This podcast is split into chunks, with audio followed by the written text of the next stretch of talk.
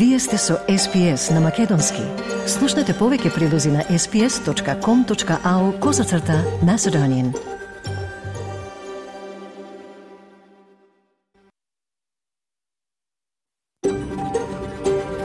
SBS, a world of difference.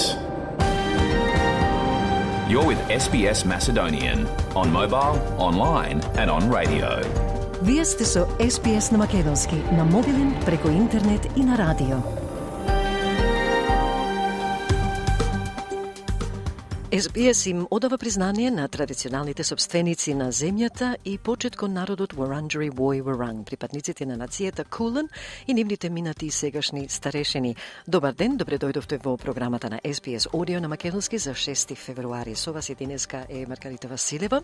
Еве кои содржини ги вклучивме за денешната програма. Во редовниот прилог за настаните во Македонија ќе известиме за председателот на Алијансата на албанците Арбен Таравари, кој вчера пред својот дом во Гостивар најде оставен куршум од автоматска пушка, а куќата на Таравари од вчера е под 24 часовно полициско обезбедување како изградата на општина Гостивар. А во меѓувреме на здравствениот систем на Македонија му се заканува колапс. Од локалните теми поопшено и за учеството на жените над 65 години во работната сила, бројот е зголемен за 4 пати во последните две децени, но се покренува прашањето дали физичките работни места се прилагодени за нивното присуство, бидејќи падовите се една од водечките причини за сериозни повреди на работното место. И денес, како што најавивме во вчерашната емисија, ќе ве запознаеме со македонката Маргарет Христовски од Мелбурн, која се согласи да ја пренесе незината лична приказна на СПС за тоа како таа живее со болеста склеродерма. Веќе 40 години со што ги надмина очекувањата на медицинските истражувачи кои не можат да дадат одговор за незиниот отпор на оваа болест. Ќе чуете Маргарет кон крајот на денешната програма. А сега следуваат вестите на денот кои за денешната програма ги подготви Радица Бојковска Димитровска. Радица повели. Благодарам Марга, добар ден и од студиото од Сидне. Во денешниот билтен, премиерот Албанезе му посека на кралот Чарлс брзо оздравување откако беше објавено дека има рак и е на лекување.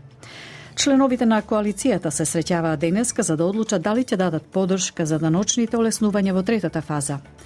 Во смртоносните шумски пожари во Чиле најмалку 122 лица загинати, а најмалку 190 се уште се водат како исчезнати само во Виња Дел Мар. И Куршум бил пронајде пред домот на лидерот на македонската опозицијска партија од албанскиот етнички блок Алијанса на албанците Арбен Таравари. Слушајте не.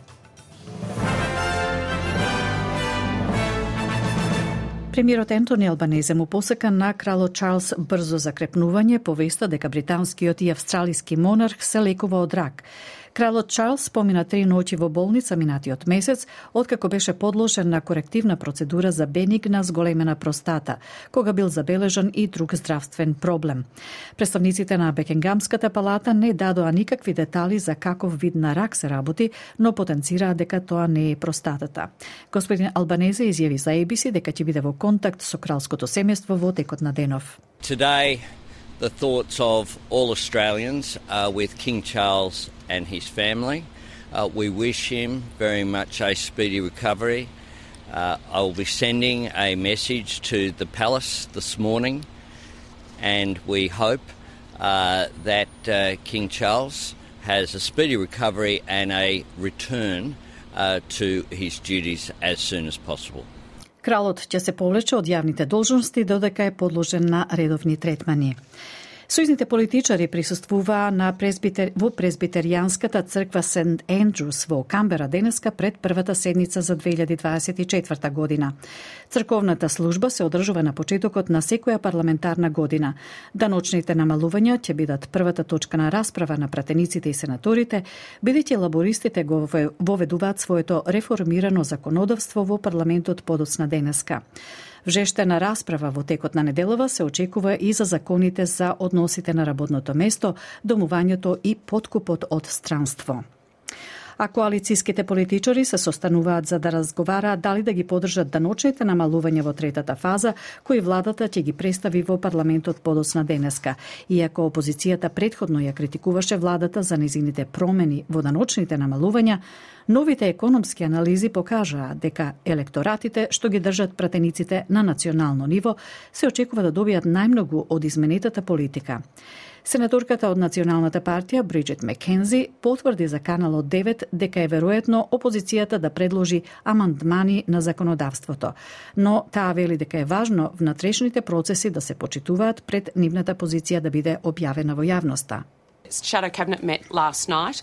Uh, we will be taking that decision to the broader party room, which is the respectful uh, way to go through our internal processes. Uh, that's this morning, and will be everyone will know where we landed uh, very, very shortly today. All Australia knows that we're the side of politics that uh, favours lower, simpler, and fairer tax system, and that's why we staged our changes in the way that we did. We're still absolutely committed to stage three.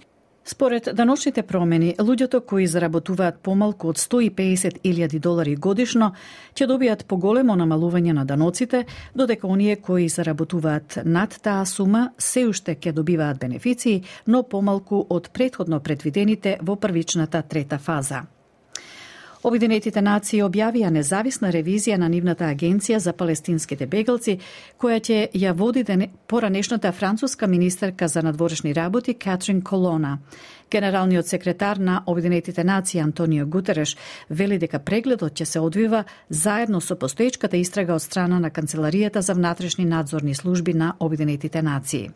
Превремениот извештај треба да биде поднесен кон крајот на март, а конечниот извештај објавен кон крајот на април. Споменатата агенција се соочува со криза откако 15 нејзини најважни донатори, вклучително и Соединетите држави, го суспендираа финансирањето откако Израел обвини дека 12 од 13.000 вработени во агенцијата биле вклучени во нападите на Хамас на 7 октомври во Јужен Израел. Порпаролот на Обединетите нации Стефан Дујарич вели дека соработката од израелските власти кои ги изнесоа овие наводи ќе биде клучна за агенцијата која што работи под екстремно предизвикувачки услови за да им помогне на речи се 2 милиона мажи, жени и деца во поесот Газа за време на најсложената хуманитарна криза во светот. The Secretary General notes that these accusations come at a time that UNRWA, the largest UN organization in the region, is working under extremely challenging conditions to deliver life saving assistance to close to 2 million men, women, and children in Gaza Strip who depend on that aid for their survival amidst one of the most the largest and most complex humanitarian crises in the world. Минатата недела Агенцијата на Обединетите нации објави дека можеби ќе треба да ги затвори своите операции до крајот на февруари, доколку финансирањето не продолжи. Жителите на Чилијанското крајбрежје на Пацификот се бура да ја разберат огнената бура во која загинаа повеќе од 120, 122 лица, а најмалку 190 се уште се водат како исчезнати само во Виња Дел Мар. Екипите за итни случаи се уште наоѓаат тела затрупани во урнатините во Валпа, Валпараисо и Виња Дел Мар три дена по избовнувањето на пожарите.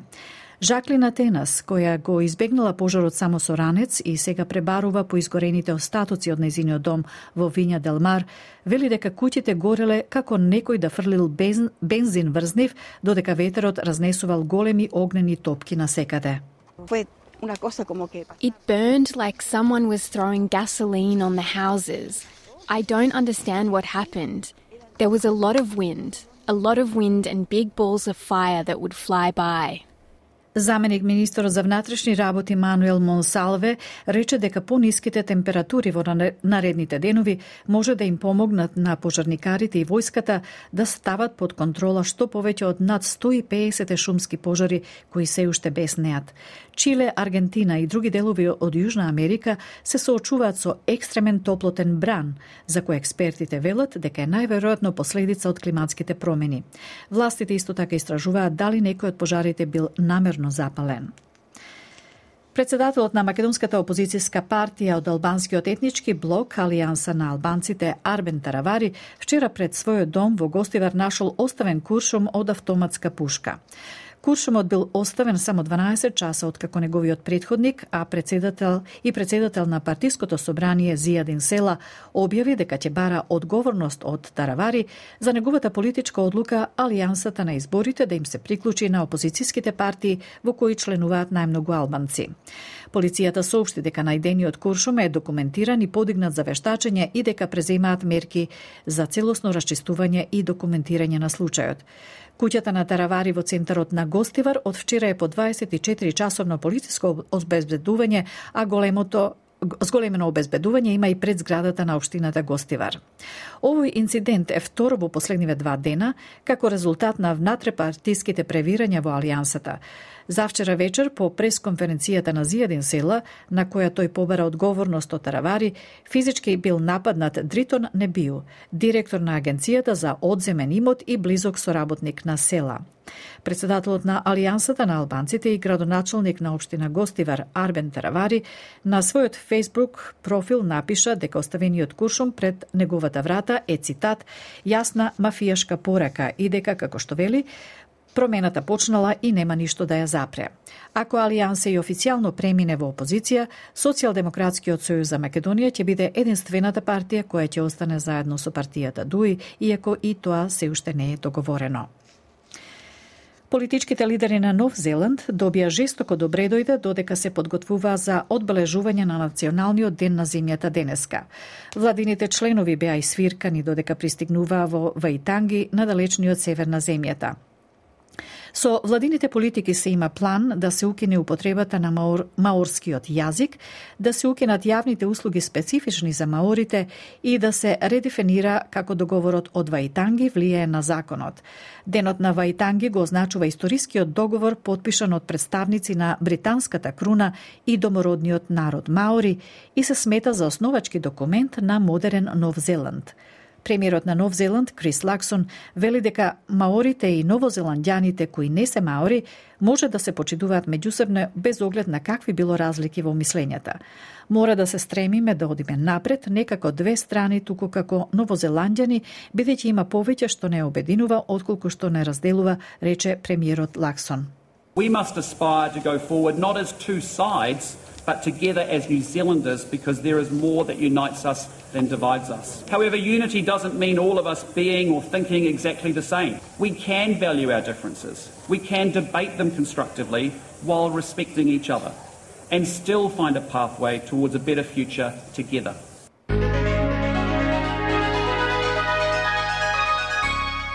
Од најновата курсна листа, денеска еден австралиски долар се менува за 0,6 евра, 0,65 американски долари и 36,84 македонски денари, додека еден американски долар се менува за 56,59 македонски денари, а едно евро за 61,02 македонски денари. Еве анакусо и временската прогноза за главните градови за утре среда 7 февруари, Перт сончево максимална температура 36 степени, Аделаид претежно Делумно сончево со максимална 27, Мелбурн делумно облачно 23, делумно облачно и за Хобар 22 и за Камбера исто така делумно облачно 24, Сиднеј врнежливо максимална 24, Брисбен слаби краткотрени врнежи максимална 32, Дарвин делумно облачно 33 и Алис Спрингс утлови за дожд со максимално до 32 степени.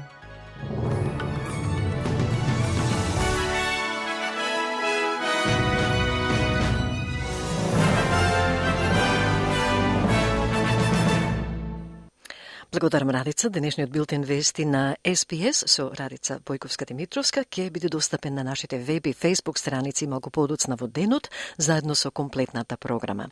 Јас сум Маргарита Василева, останете со СПС Audio на Македонски, каде следуваат вести од Македонија, актуелности од Австралија, а во рубриката Разговори, чувствителната приказна на Маргарет Христовски, која потекнува од селото Лаген во егејскиот дел на Македонија и која се согласи да ни раскажи како таа живее со болеста склероз склеродерма последниве 40 години. Останете со нас. Слушате СПС на Македонски со Маргарита Василева. Следува извештајот од Македонија. Куршум бил најден пред домот на лидерот на Алијансата на албанците Арбен Таравари. Тој вели дека и покрај заканите промените во политичкиот живот ќе продолжат. Ковачевски вели дека секој е слободен да го избере својот политички пат. На здравствениот систем му се заканува колапс. И техничкиот министер на Министерството за внатрешни работи ветува дека вадењето лични документи значително ќе се забрза. Тоа се петте теми за кои следува подетален извештај од Бране Стефановски.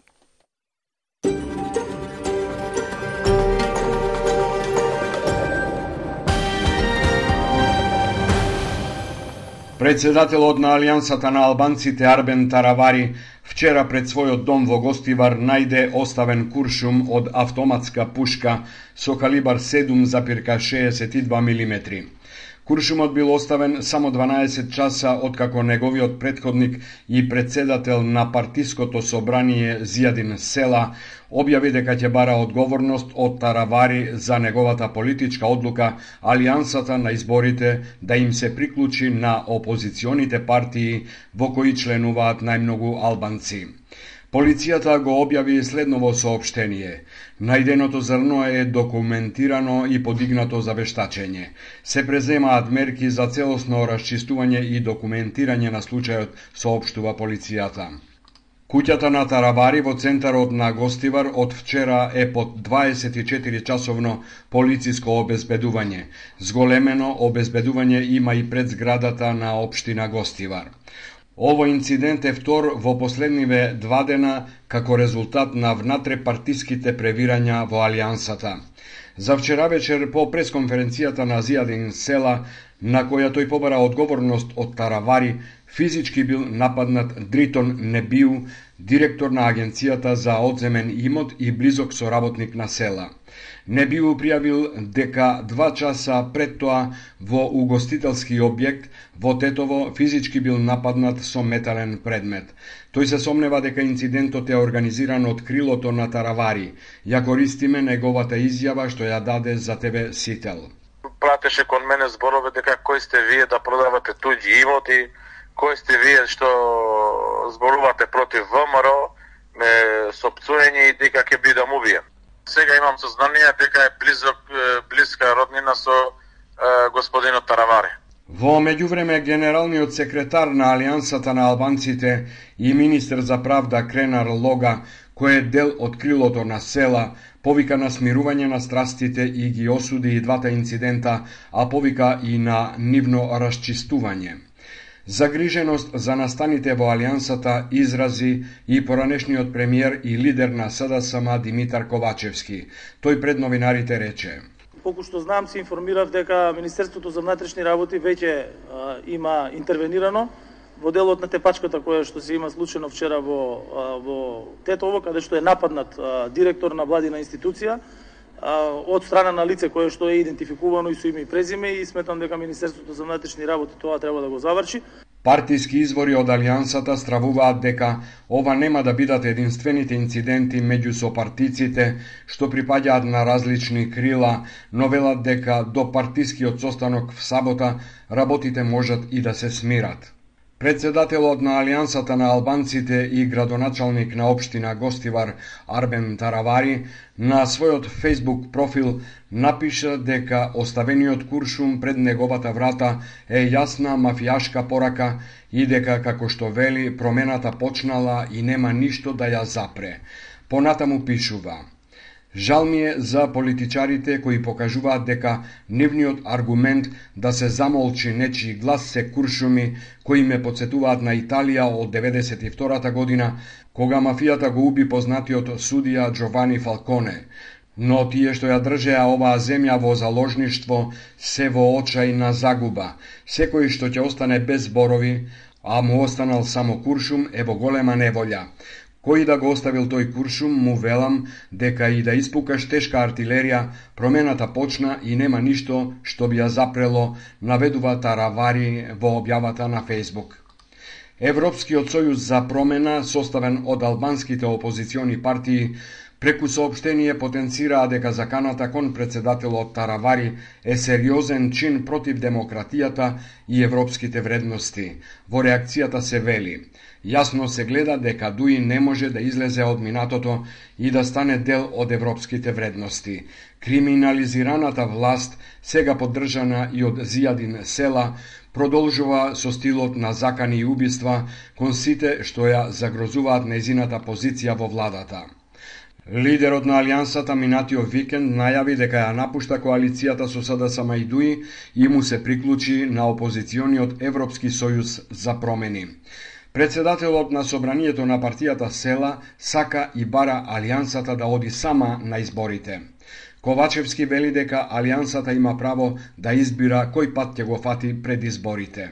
На Алијанса е да одлучи дали ќе оди на запад или ќе оди на исток, дали ќе оди за Европа или ќе оди за некакви недефинирани а, алтернативи кои што никој не ги објаснува. Тоа е сепак нивна одлука. Ако Алијансата и официјално премине во опозиција, СДСМ ќе биде единствената партија која ќе остане заедно со ДУИ, иако и тоа не е договорено. Вчера вработените во Фондот за здравство штрајкуваа, па шалтерите на службата не работеа. Десетици граѓани од рано изутрината наидоа на заклучени врати. Граѓаните, иако знаеа дека службите не работат, дојдоа да прашаат што да прават, но и до кога ќе трае штрајкот. Тие чекаа и по неколку часа во надеж дека некој од вработените ќе се премисли и ќе ги пушти внатре. Странки не сме да влегуваат Сите знаат кои обврски може да ги завршат, кои не. Извинете. Утре да работите? Утре работите? Извинете. Не работиме, знаете. И утре не работите? Не, не. Ова е обезбедувањето. Преска ми река дека не функционира ништо, вика исклучена система. И чекамо случајно нешто да се помислат. Па уште малку ќе чекамо. Вработените штрајкуваат поради како што велат препораката на владата платите да им бидат намалени за 21%. Шалтерите ширум земјава ќе останат затворени се додека владата не донесе нова препорака со која платите ќе им останат на сегашното ниво. До тогаш ќе се услужуваат само итните случаи за малолетници или хоспитализирани пациенти, како и за лекување во странство. Боби Бојчевски од Независниот синдикат на здравствените работници пред новинарите изјави. Апелираме до владата на утрешната седница на која веќе пратевме допис до а, техничкиот премиер господин Тала Джафери да отвори точка на дневен ред да се разгледа оваа наше барање како што донесува заклучок со препорака управниот одбор да ги намали платите, да донесат нов заклучок со препорака да остане истата вредност на бод, тоа е 77,16 денари, таа вредност да бод да биде до крајот на оваа година. Но ако штрајкот продолжи подолго време, целото јавно здравство ќе остане без плата. Нема да има префрлање средства на клиниките и болниците, кои можат да останат без лекови и медицински материјал нема да се исплаќаат ниту породилни и други боледувања. Министерот за внатрешни работи во техничката влада Панче Тошковски од редовите на ВМРО ДПМН информира дека е завршена ревизијата на како што вели нефункционалните закажани термини за фотографирање за лични документи и најавува дека пунктот Пролет во Скопје ќе работи во две смени и дека се зголемува капацитетот на фотографирањето, односно дека издавањето и менувањето на личните документи ќе оди многу побрзо. Тој во интервју за ТВ Телма меѓу другото рече. Тоа, тоа значи дека капацитет од 4 базни станици кои што фотографираат и обезбедуваат издавање понатаму на, на лични документи, ние ќе го зголемиме фактички на 28 во еден ден. Тошковски вели дека околу 30.000 телефонски закажувања се непотребни, односно несуштински и го оптоварувале системот и нереално се закажувале термини со рок на чекање со месеци. Тоа беше извештајот од Македонија за 6 февруари на Бране Стефановски. А доколку барате поширок избор прилози интервјуа, посетете ја нашата Facebook страница SPS Macedonian или нашата веб страница sps.com.au Macedonian. Таму ќе најдете и видеоклипови од разните настани во македонската заедница. Вие сте со SBS Audio на Македонски, а со вас е Маргарита Василева. Учеството на жените над 65 години во работната сила се зголеми за 4 пати во последните две децени, но дали работните места се прилагодени? Падовите се една од водечките причини за сериозни повреди на работното место, според ново истражување од Универзитетот Монеш, во кое се тврди дека влијанието на повредите врз постарите жени треба подобро да се разбере. Повеќе од прилогот на Ruth McHugh Dillon за SBS News.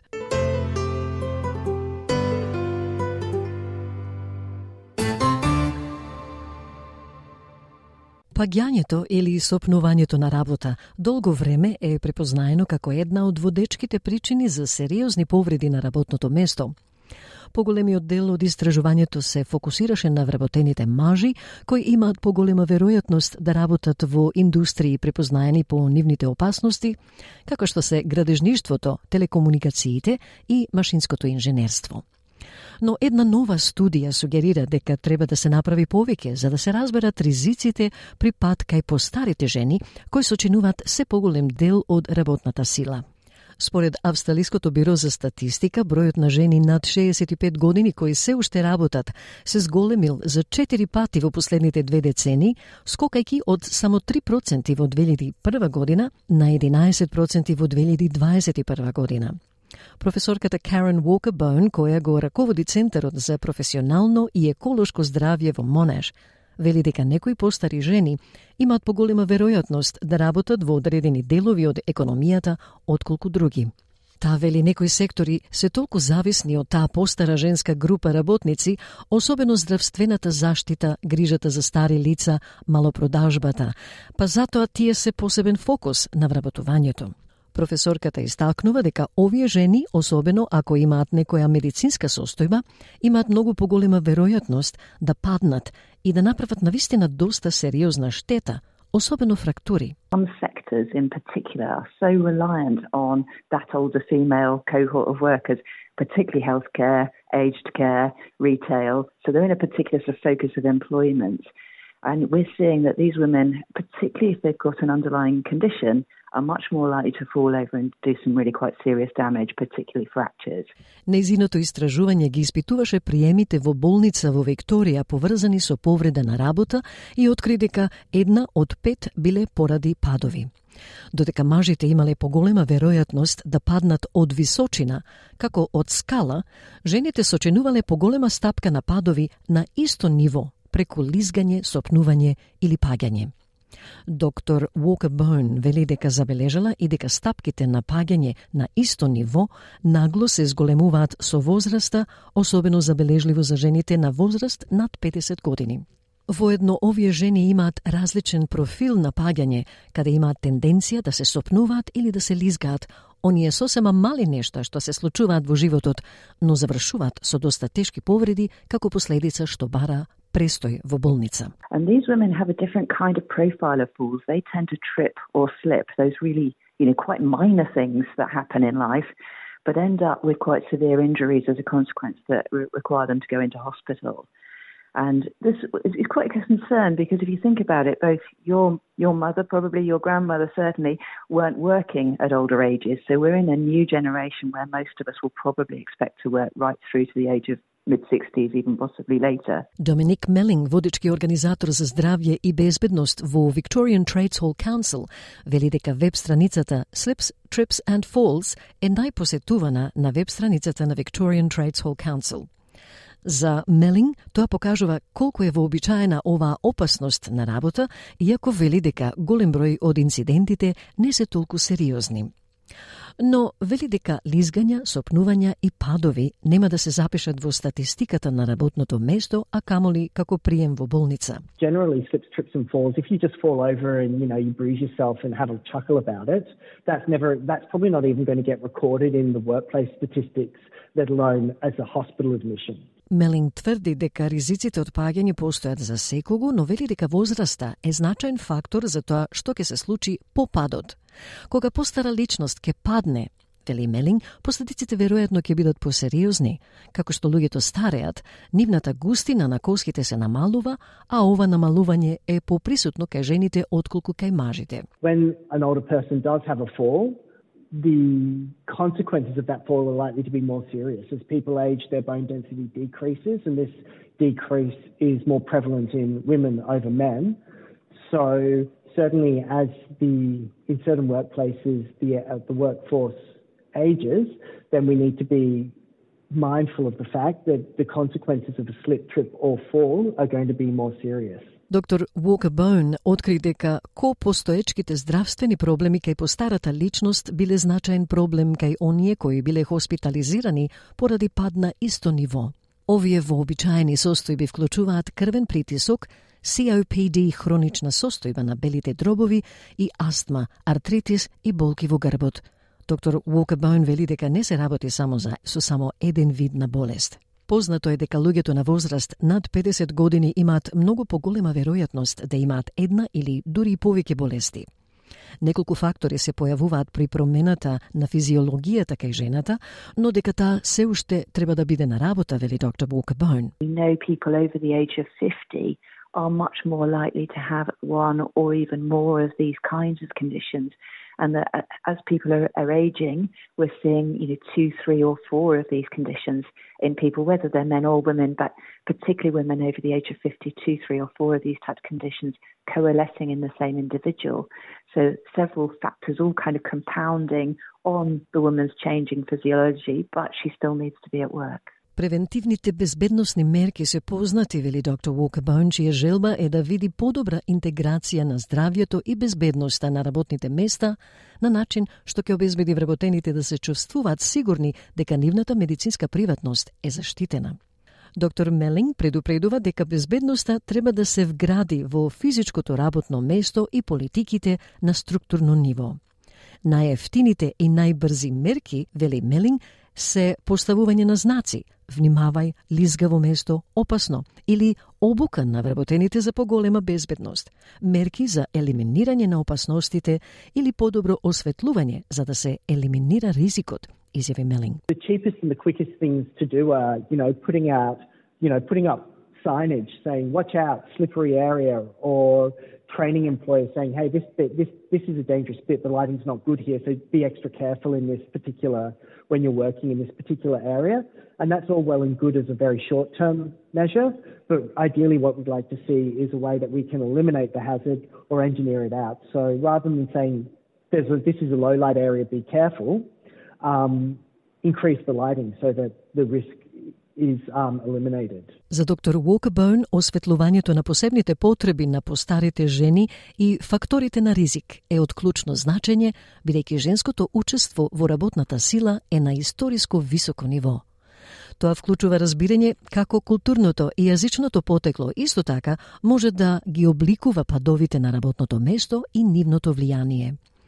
Иако тоа не беше фактор изолиран во студијата, Walker Bone вели дека прашањата за здравје и безбедност на работното место за работниците чиј мајчин јазик не е англискиот ќе бидат фокус за центарот Монаш понатаму. Доктор Bone верува дека продлабочувањето на разбирањето за тоа кој работи и со какви специфични ризици се соочуваат ќе биде од корист за сите. When we really wanted to raise the profile of this because we think from an employer perspective this needs, you know, desperate attention because this is only going to get worse as there are more women around and particularly more women with comorbidities working to older ages.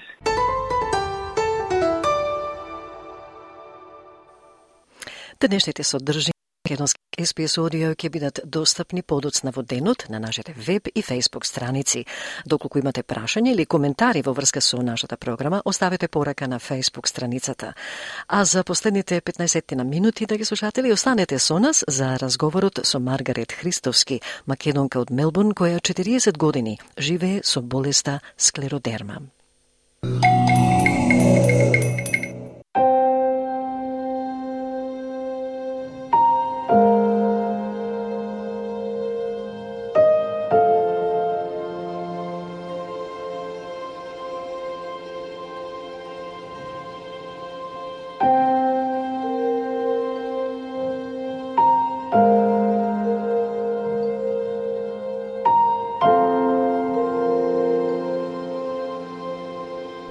Вие сте со SPS Audio на Македонскија, со вас е Маргарита Василева. Во наредните три емисии, почитувани слушатели, ќе ве запознаеме со една македонка која успеа да живее многу, многу подолго од колку што и дозволува незината диагноза. Може слободно да ја наречеме феномен, бидејќи ниту медицинските истражувачи не можат да дадат објаснување за тоа како таа се уште е жива. Маргарет Христовски од Мелбурн живее со болест која афектира околу 5000 австралијани годишно и која може да се појави во која било фаза од животот, како што се појави кај Маргарет кога таа имала 38 години. Болеста склеродерма е автоимуна болест која предизвикува воспаление и фиброза, здебелување на кожата и другите делови од телото. Кога имунолошкиот одговор ги мами ткивата да мислат дека се повредени, тоа предизвикува воспаление, а телото создава премногу колаген што доведува до склеродермија се пореметува нормалното движење на мускулите, кое доведува и до намалена циркулација на крвта и кое многу често резултира со ампутација на еден или повеќе прсти. По зависност од тоа кој вид на склеродерма го имате, може да се страда и од срцеви заболувања, проблеми со бубрезите, па и другите органи на телото. Зборовите склеро и дерма, земени од грчкиот јазик, за македонката Маргарет Христовски, представуваат серија тешкоти, измачувања и болки, но и дополнителни ограничувања на тоа што може и не може да прави во секојдневниот живот. Со Маргарет неодамна зборувавме за моментот кога таа ја доби веста дека боледува од склеродерма и како почнаа да се појавуваат симптомите со текот на годините. Маргарет вели не сака да биде нарекувана amazing, нито пак да и кажуваме дека е храбра поради тоа што ја има оваа болест. Напротив, од раскажувањата на Маргарет во наредните три емисии ќе дознаете дека таа е една со незината неизлечива судбина и дека незиниот идентитет, вели таа, е длабоко врежан во болеста со која живее долги години. Останете со SPS Audio за личната приказна на Маргарет Христовски од Мелбурн.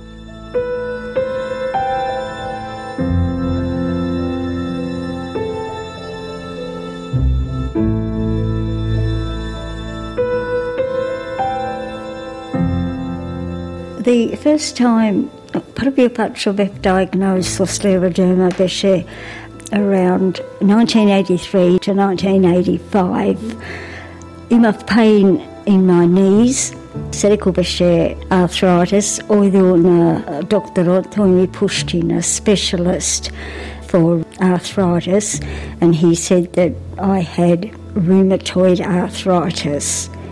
По тоа време се направи по, по лошо, ојдел на hospital, St. Vincent's, ATM pria x-rays, a, there are tablets, a walking sticks, a medical, you've got rheumatoid arthritis, never anything else that can be done for you.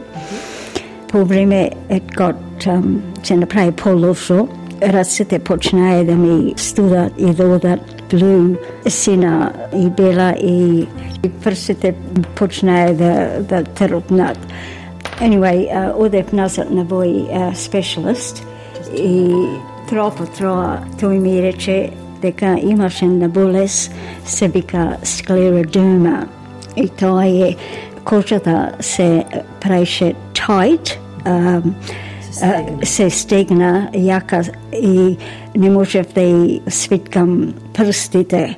Соно бев uh, a few months, uh, ми даваше таблети, ми правеше друг treatment, ама не ми рече one day, поарно били додеш на hospital, оти ки ти треба heart specialist, lung specialist, skin specialist и everything else вели оти ваа болес не е за мене. Јас не можам да ти поможам. Треба да бидеш in a hospital environment. Да. Значи ти беше на околу 39-40 години. That's right. Um, 38, I think, Beth, ка почна originally и се не by the time се направи многу по-лошо. I think about 1983, Beth in hospital, ми дадај ни tablets се викаја penicillamine и тие имав reaction, реакција и добивме на друга болест, што се вика myasthenia gravis. So, и ба е autoimmune болест, ама таа е многу полоша од склеродерма. So, имав двете склеродерма, diffused scleroderma и myasthenia gravis. Тоа се направи многу полошо, Одев на работа, работав the Melbourne Uni. Еден ден си гледав дома on the tram и just паднав. ми занесоа by ambulance на St. Vincent's и таму остана four months. So treatment се направив многу по-лушо, ми дојде. Ојде на intensive care for two weeks. Ти не можев да, да дишам, требаше да, да, да ми осечат грлото и кладоа тюб, за да можам да дишам, цепка, за да можам да дишам. Се направи многу по-worse. Anyway, бев таму доста време и троа по троа, I think, uh, so the medication, Sustaneja, тоа uh, penicillamine, ми даваја други нешта, but um, многу long time бев in hospital. Беше тешко за мене тогаш, да имав две малечки, 6 години и 8 години, мислам, тогу мали беа.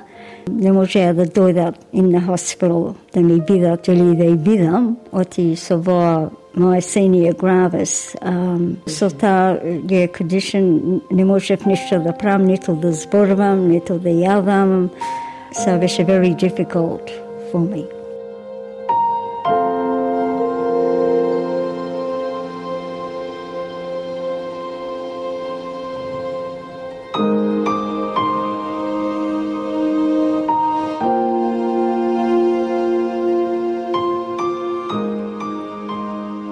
How did you prepare for what was to come? Како собра сили за да продолжиш да, да се лекуваш и да, да се справиш со оваа болест? Оти, заради децата, се реко, не можам да ја оставам бие деца без мајка. Беше my responsibility ко мајка да се направам поарна за да ја пораснам децата. Децата ми даваја сила за да се направам поарна. Дали се сеќаваш каква беше реакцијата на твојата фамилија кога дознаа за диагнозата кога ти беше дадена? Мислам, исто ко мене ко ми кажаја, не знаевме што беше. Беше многу тешко да разбереме што е ва болест склеродема, оти никој не имаше слушнато бифо и не знаевме што да мислиме ки биди или не ки биди. Маргарет, ти си една од околу 5000 луѓе во Австралија кои живеат со склеродерма.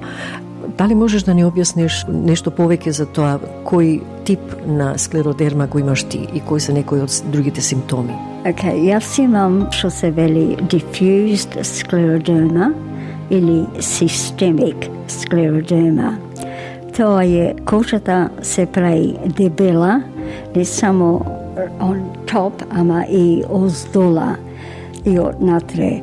Во systemic scleroderma може да ефектува the organs, срцето, the lungs, the kidneys, the, your intestines, um, стомако, цревата, and you can, и може да имаш и kidney failure. The blood vessels, бублиците, so all, all the надрешни organs што имаме. Другото се вика localized scleroderma, тоа само афектва кожата um, на рацете mainly on top, ама не the um, надрешните organs. Дали постоеше добра поддршка од околу или во заедницата за да добиеш помош во справувањето со болеста? Um, Најпојке ми помоши болницата Сент Винсент и докторите. Не знаев многу за ваа болеса, не знам што сапорт или помош имаше баш ко тоа. Ама оти стално имав проблеми. Овај одев на болницата и таму докторите или нерсите ки ми даваја или ки правиме што мораше. Од надвор, ма фамили, фамилијата и пријателите премногу ми поможаја ко, ми беше најлошо, ама најпојке, I think, треба да му речам, машот ми, кире премногу ми поможи, ако не беше за него. Um, I може не ке ту да, today. Оти беше, ета, многу лоша болеше и не може си тој, секој да, да издржи.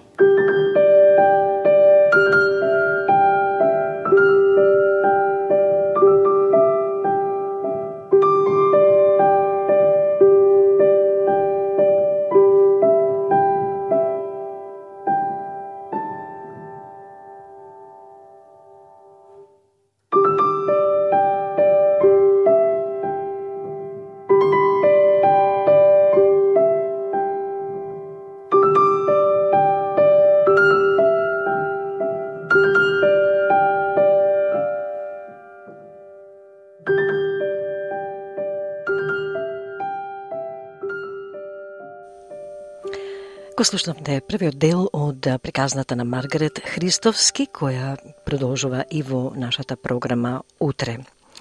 А за крај, драги слушатели, сега е време да се подсетиме и на главните дено, вести на денот.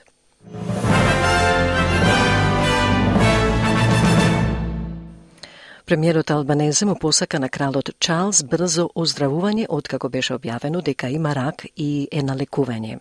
Членовите на коалицијата се среќаваат денеска за да одлучат дали ќе дадат поддршка за даночните олеснувања во третата фаза. Во смртоносните шумски пожари во Чиле најмалку 122 лица загинати, а најмалку 190 се уште се водат како исчезнати само во Виња Дел Мар. Куршум бил пронајден пред домот на лидерот на македонската опозицијска партија од албанскиот етнички блок Алијанса на албанците Арбен Таравари.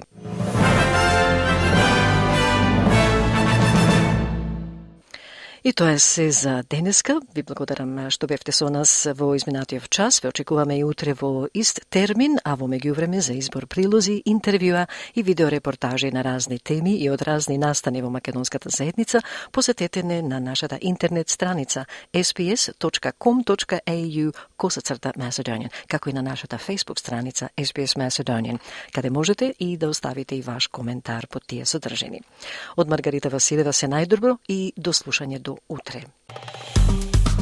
Стиснете, ми се допаѓа, споделете, коментирајте. Следете ја SPS на Македонски на Facebook.